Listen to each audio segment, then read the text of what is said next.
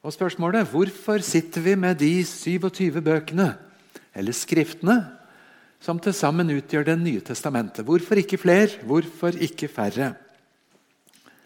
Vi kan dele dem også inn, og har sikkert sett det før. Fire evangelier, en historiebok, 13 brev fra Paulus, åtte brev som ikke er fra Paulus, men fra litt forskjellige forfattere, og så rundes det av med Johannes' åpenbaring. Men hele tiden så kan vi stille oss et spørsmål hvorfor ikke bare ett evangelium? Hvorfor fire? Og hvorfor ikke f.eks. fem eller seks?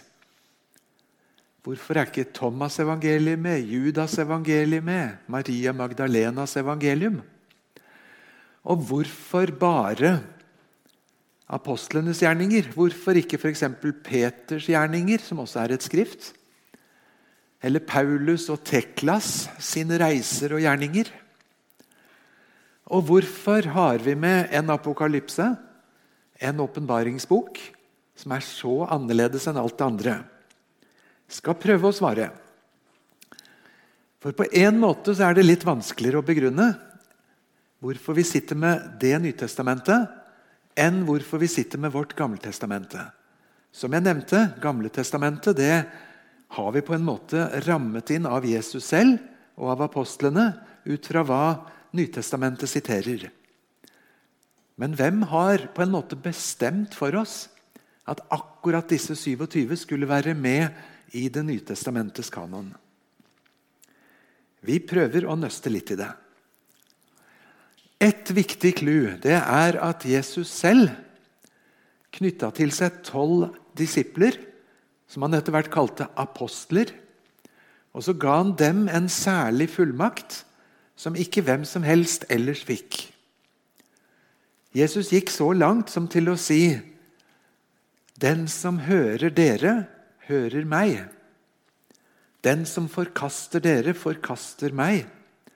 Og Hvis noen forkaster meg, så forkaster de egentlig Gud selv som har sendt meg. Lukas 10, 16. Det er en ganske stor betroelse. Det er som å gi bort eh, bankkortet ditt, inkludert PIN-koden, og si 'vær så god, bruk det som ditt eget'. Og Likevel, det er jo bare penger og materielle ting. Tenk at Jesus kunne si til Peter og til tvileren Thomas og til to tordensønner og andre at 'den som hører dere, hører meg'. En annen gang sa han også til Peter at 'jeg gir deg nøklene'. Når du låser opp, så er det låst opp, og når du lukker igjen, så er det lukket igjen. Det å være en apostel det er ikke bare å være en Jesus-fan som hadde noe på hjertet. Men Jesus har på en måte gitt dem en autoritet og posisjon som han ikke har gitt til alle andre. På skjærtorsdagskvelden, denne kvelden da det skjærte seg skikkelig for Peter og noen til, da hadde Jesus mye å si. Så mye at bare i Johannes-evangeliet så fyller det fem kapitler. Pluss nattverdinnstiftelsen, pluss fotvaskingen. Og Da Jesus hadde holdt på skikkelig lenge, så sa han Å, ok, jeg har mye mer jeg skulle ha sagt, men dere kan ikke bære det nå. Det er et metningspunkt. Jesus skjønte det. Men når sannhetens ånd kommer, altså Den hellige ånd, da skal han veilede dere til hele sannheten. Og Han skal ikke tale av seg selv, men han skal si det han hører. Og så skal han gjøre kjent for dere det som skal komme. Får vi med oss det? Tre år bibelskole med Jesus. Er de ferdig utlært? Nei. De strøyk til eksamen, alle sammen. Men de hadde fått en veldig god start. Men Jesus sier jeg forsvinner ikke. Kristi himmelfart er ikke Kristi forsvinning. Tvert imot. Han er mer til stede enn noen gang gjennom sin Hellige Ånd. Og så sier han nå er dere så mette at dere klarer ikke å ta imot mer. Men når sannhetens hellige ånd kommer, så skal han veilede dere og fortelle dere hva som skal komme. Og sånn gikk det. Dermed så satte de seg ned og skrev Jesus-historien, evangeliene. Og så skrev de apostelhistorien om hva Gud gjorde mellom de første kristne. Og så skrev de noen brev til hverandre som fikk en helt spesiell status fordi Gud selv la sin kraft inn i det. Det med brev det var en ganske touchy greie. Vet ikke om dere har lagt merke til at Paulus et sted skriver Vær litt forsiktig med bare å gå rett på når noen sier 'Her har vi fått brev fra Paulus'. For det kan hende det er falske brev. Brev som noen påstår er fra oss, med påstander om ting vi aldri har ment og aldri har sagt. Altså, det fantes fake news. Det fantes fake letters. Fake Paul letters. Pass dere, sier Paulus. Ikke godta hva som helst. Og Det ble en veldig viktig sak de neste 200-300 årene. Det var å sortere. At de kristne over hele kristenheten måtte snakke sammen og si er det helt sikkert at de breva som vi har, er ekte. Er det helt sikkert at vi har fått med alle? For vi kan ikke gå fem på, vi kan ikke bløffe oss til noe som ikke er ekte. Når det gjelder Jesus-fortellinger, så har vi altså fire evangelier. Og På slutten av Johannes-evangeliet, som antagelig ble skrevet sist, så får vi to sånne spennende avslutninger.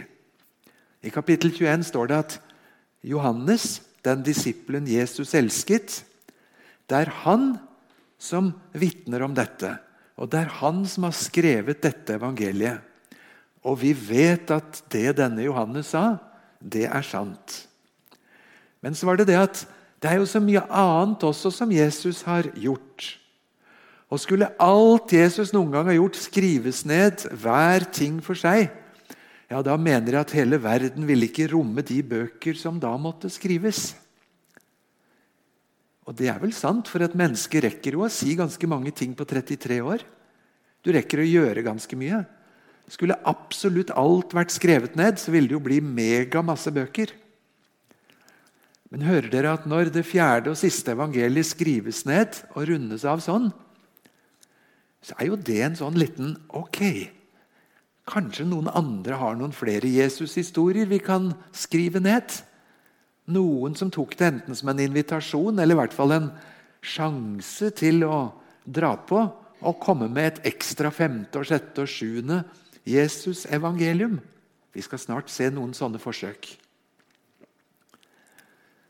Da Peter skrev det andre brevet sitt, da tok han med en sånn rar liten henvisning og sa Dere vet at det jeg nå har skrevet om, det er sånn også vår kjære bror Paulus har skrevet til dere, etter den visdom som var gitt til han.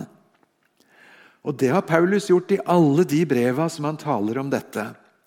Og så sier Peter i de breva er det noe som det er litt vanskelig å forstå og som de ulærde og ubefestede vrangtolker, slik de også gjør med de andre skriftene, til sin egen undergang. Litt pussig avsnitt der i 2. Peter 3, 15 og 16. Men det er tydelig at Paulus sine 13 brev var allerede kjent og hadde en stor posisjon.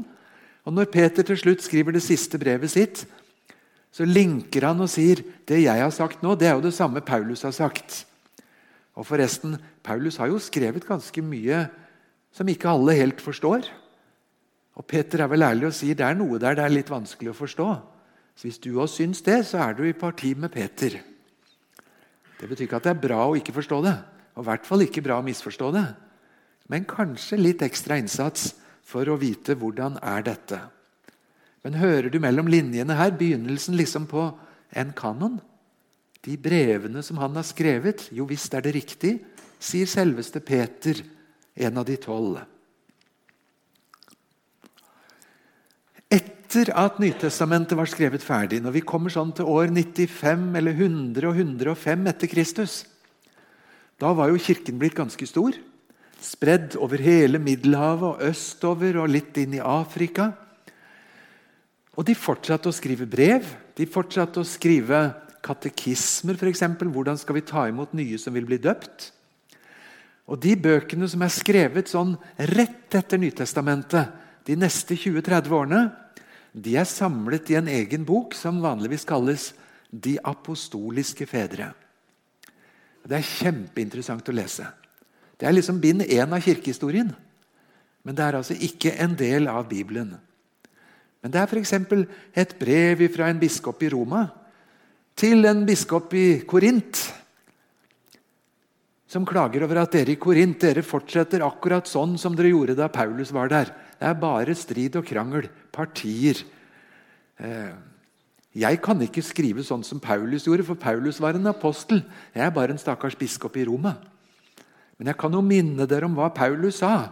Og Så skriver han et helt brev som viser oss at de visste allerede at nå er vi i en annen fase. Vi er ikke apostler.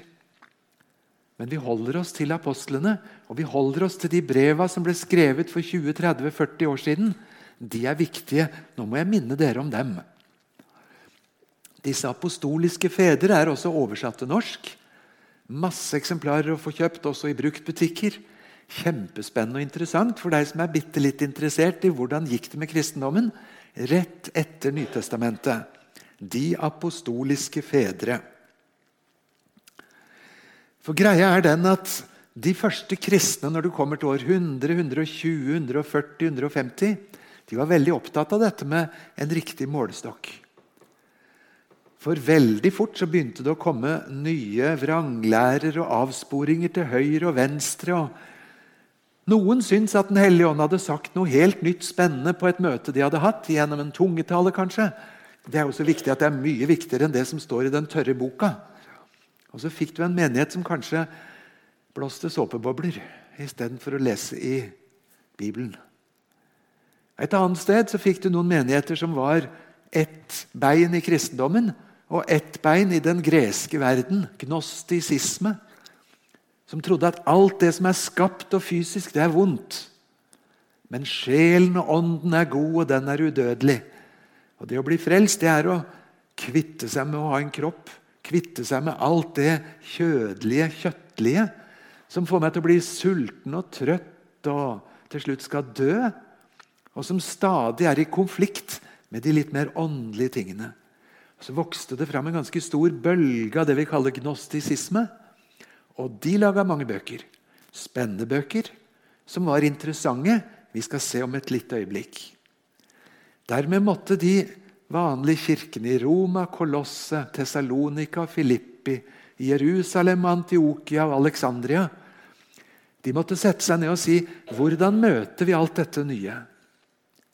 Og Allerede sånn midtveis utpå hundretallet så begynte de å lage lister over hvilke bøker er det som Jesus sine apostler har gitt oss. Enten fordi de skrev selv, eller at apostlene leste gjennom og godkjente det som deres venner hadde skrevet ned for dem. For Nytestamentet må være det som er apostelord, ikke hvem som helst andre sine ideer.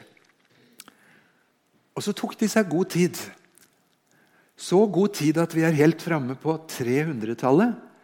Før liksom et kirkemøte kunne si nå er alle skrifter vurdert. Nå har vi sortert ut alle fake brev. Nå har vi trippelsjekka og firedobbeltsjekka med hver eneste menighet at ikke vi har gått glipp av noe. Og så gjorde de liksom den endelige vedtaket.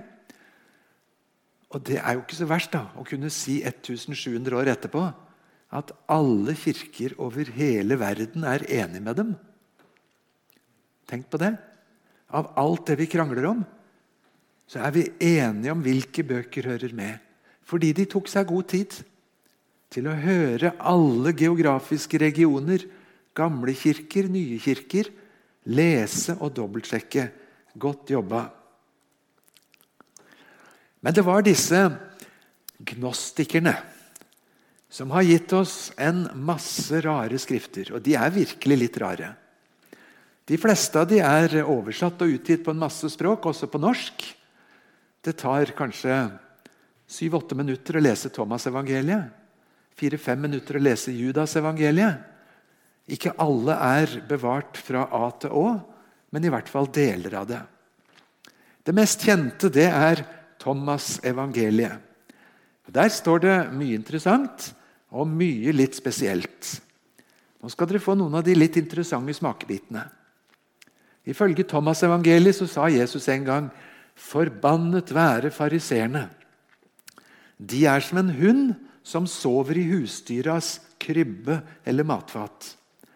Hunden spiser ikke selv, men den lar heller ikke husdyrene spise. Kunne Jesus ha sagt noe sånt? Jo, han var ofte i konflikt med fariseerne. De sitter på en måte på Moses sin stol og sjefer. Og det de sier, blir ganske viktig. Men selv så tar de ikke dette til seg. Det ligner på tankegangen hos Jesus, men dette utsagnet det står bare i Thomas-evangeliet. Et annet sted i Thomas-evangeliet så står det at Jesus skal ha sagt En person kan ikke spenne for to hester. Jo, På sirkus kan du ri fram og tilbake kanskje ti meter på to hester. Men det er ikke sånn du har lyst til å ri herfra til Røldal, vil jeg tro. Tryggest å være på den ene hesten. Én person kan ikke spenne for to hester. Og du kan ikke bøye to buer for å treffe innerblink med begge to samtidig. En slave kan ikke tjene to herrer, for da vil slaven ære den ene og fornærme den andre hører at det ligner litt på noe Jesus sa i bergprekenen. Og så er det likevel et par ekstra bilder med inne som ikke står der. Dette er de utsagnene i Thomas-evangeliet som har gjort at noen sier teoretisk sett så er det jo mulig at det der kan være et virkelig Jesus-utsagn. Selv om Thomas-evangeliet er skrevet kanskje 50 år etter Johannes-evangeliet og 120 år etter at det skjedde. Men så var det litt andre ting i dette Thomas-evangeliet. Introduksjonen er f.eks. sånn. En gang sa Jesus til disiplene.: Sammenlign meg med et eller annet. Fortell hva jeg ligner på. Simon Peter sa til ham, 'Du ligner en rettferdig budbringer.' Matteus sa til ham, 'Du ligner en klok filosof.' Thomas sa til ham, 'Lærer, min munn er helt ute av stand til å si hva du ligner.' Jesus sa, 'Jeg er ikke din lærer, men fordi du har drukket, er du blitt smittet av den boblende kilden jeg har voktet.' Og Så fortsetter Thomas evangeliet og sier at da Thomas kom tilbake til de andre, så spurte de hva sa Jesus til deg. Og Da sa Thomas nei, det tror jeg ikke jeg kan fortelle, for da blir dere så misunnelige og sjalu på meg at jeg tror ikke jeg skal si det. Underforstått. Han skrev det etterpå. Slik har vi fått Thomas-evangeliet. Underforstått. Du som nå får den lykke å få Thomas-evangeliet i fanget, du får inside information av topp kvalitet. De som laga Thomas-evangeliet, de kjente Matteus, Markus, Lukas, Johannes. Men nå sier de vi har ekstra dybder inside, spesielle kanaler. Og så er det jo da spennende å se hva er det de så forkynner. Ja, Et annet sted i Thomas-evangeliet så står det f.eks. at Jesus sa 'Jeg er lyset som er over alle ting'. Av meg er alt blitt til, for meg er alt oppnådd. Del et trestykke. Jeg er der. Løft opp en stein. Der skal dere finne meg. Tror du Jesus har sagt det? Det er jeg helt sikker på at Jesus ikke har sagt. Det som står der, er blank panteisme.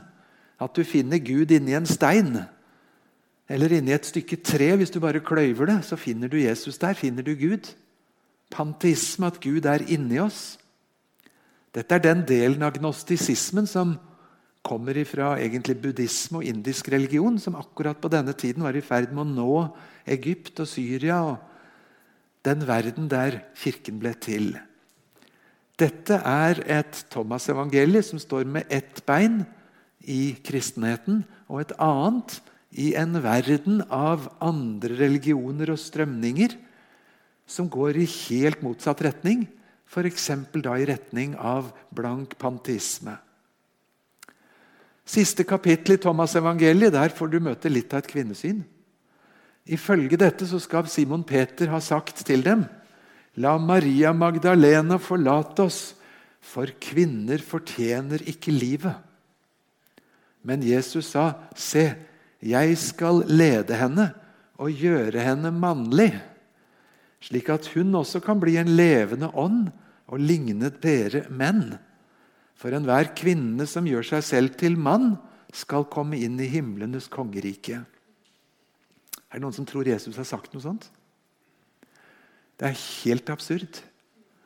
Det krasjer fullstendig med Gammeltestamentet, med Nytestamentet. Det er et menneskesyn hvor det er en skala ifra materielle ting til dyr, til kvinne, til mann, til engler, til stjerner, til himmellegemer. Og til slutt så går du opp i Gud som en pantistisk opplevelse. Det er en fullstendig fremmed verden for Bibelen. At Gud har skapt mann og kvinne til forskjellige oppgaver i familie eller i menighet, det ser det ut som om Bibelen er inne på flere steder. Men at frelse skulle være forbeholdt bare menn eller kvinner som blir omformatert til å bli menn, det er jo fullstendig krasj, f.eks. med Galaterne 3,28. Her er ikke jøde og greker, her er ikke trell og fri, her er ikke mann og kvinne. Dere er alle ett i Kristus Jesus. Like mye syndere, like mye skapt i Guds bilde, like mye skapt til et evig liv. Av sånne grunner så er det ingen kristen kirke på jord som bruker Thomas-evangeliet i sitt kanon. Ingen. Og Du må veldig gjerne lese selv. Det tar altså mindre enn ti minutter å komme gjennom. Det ligger både på nettet, og du kan få det som bok. For det er en verden som er helt fra en annen kilde. I full kollisjon med Gammeltestamentet, i kollisjon med det nye. Og det er før vi begynner å snakke om hva Thomas-evangeliet ikke har med. For det er jo spennende å se hva er det de ikke tar med. Det er ingenting om at Jesus ble født eller vokste opp som barn. Ingenting om at Jesus brydde seg med mennesker og helbredet de syke. Ikke én GT-sitat. Det er ingen påskefortelling, ingen forsoning, ingen kors, ingen himmel, ingen legemlig oppstandelse. Så ved siden av alt det som motsier Bibelen, så har du disse tingene som blir helt borte. Det som er selve troens bæresøyler. Det var ikke så vanskelig for de første kristne å vite at dette er ikke Bibelens Jesus. Så finnes det et annet skrift som heter Thomas' barndomsevangelium. Det også er fra kanskje 150-160 etter Kristus. Og Det tar liksom utgangspunkt i at Jesus var jo Gud fra fødselen av. Da kunne han vel gjøre mirakler fra han var baby.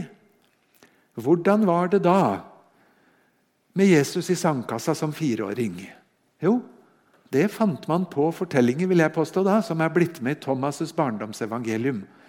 F.eks. når alle ungene sitter i sandkassa de lager figurer. Så gjør de jo det alle sammen. Men når noen begynner å mobbe Jesus, så blir Jesus litt sint, og så klapper han i hendene og får de duene som han har formet i sand, til å begynne å leve og fly. Og fly i hodet, hakke i hodet på de stakkars andre ungene som hadde mobba Jesus. For Jesus var vel guddommelig. Eller en rørende beskrivelse av et foreldremøte på skolen der Jesus gikk. For Jesus var jo ikke som andre elever som skulle lære ABC på den vanlige måten. Han kunne stille spørsmål som læreren ikke kunne svare på. Og når det ble foreldremøte, så tok læreren ordentlig tak i denne Jesus-ungen og holder Maria og Josef til ansvar for dere må oppdra ungen deres. Ja, ja, ja, det er ikke så lett å oppdra en sånn unge, svarte Josef. Og så hører vi Dette her er fantasy-litteratur. Man tenker seg inn i en eller annen situasjon. Og så er det absurde fortellinger, på en måte, men spennende og interessant å lese. De forteller litt om hva Kirken hadde å slåss mot. Men det forteller oss ingenting om det som var virkelig Jesu oppvekst 150-170 år tidligere. Det er rene fantasy-produkter. Det siste evangeliet som er offentliggjort av sånne nye funn, det er Judas-evangeliet. At det fantes et Judas-evangelie, det har Kirken alltid visst. Fordi eh, kirkefader Irenevs i Frankrike, i Lyon, han nevner dette i et av sine skrifter. Og Da er vi så tidlig som 180 etter Kristus. Han skriver det er noen som har snudd opp ned på rett og galt, hvor Judas blir helten.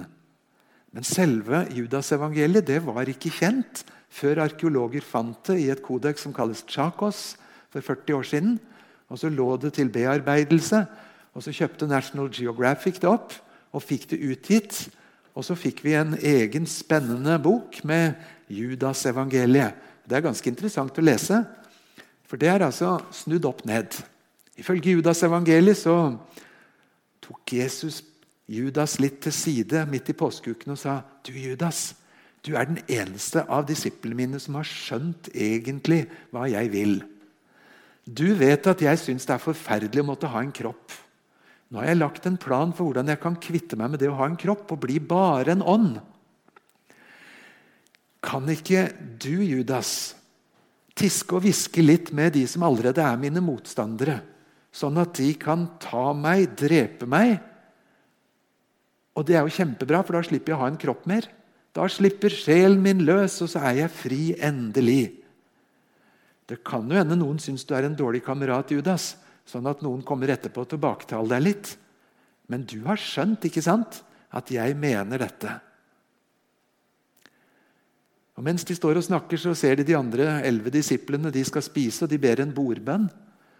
Og Både Judas og Jesus ler seg skakke over de tåpelige disiplene som tror at mat og brød som opprettholder kroppen, er en gave fra Gud. Det er jo tvert imot en forbannelse som holder liv i dette vonde systemet med en kropp.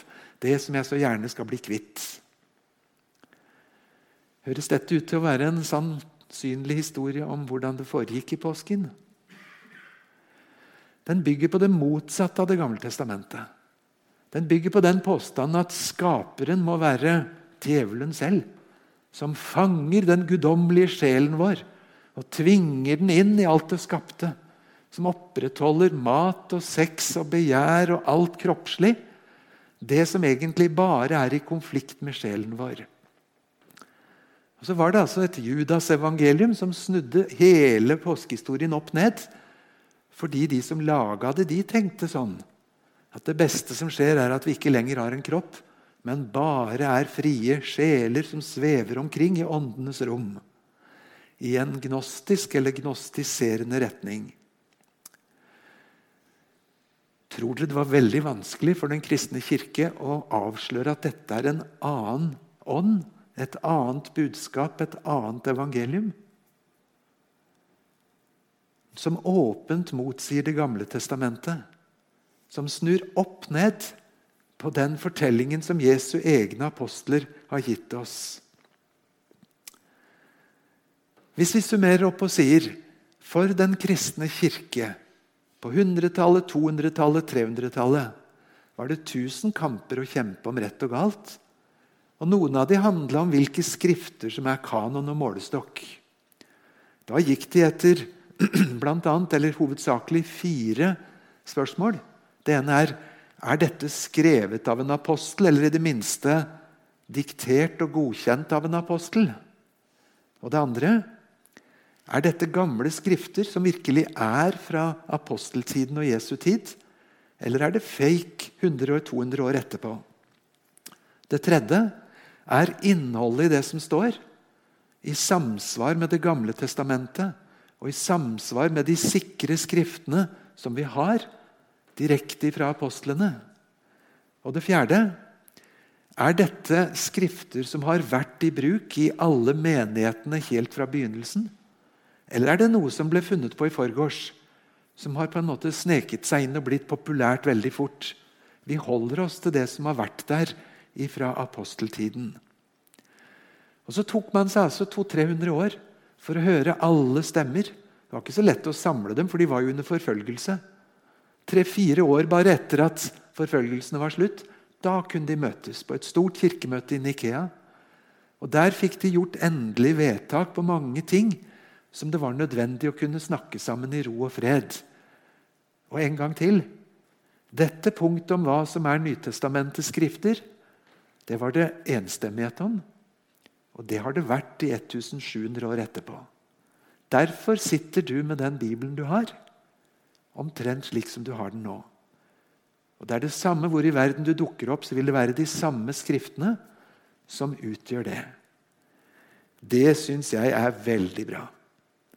Svært takknemlig for at det er sånn. Så får vi lese og tolke. Prøve å tolke så sant og rett vi kan. Men vi har den samme metermålet. Vi bygger den samme kirke med samme meterstokk. Én meter er én meter For så sier Herren.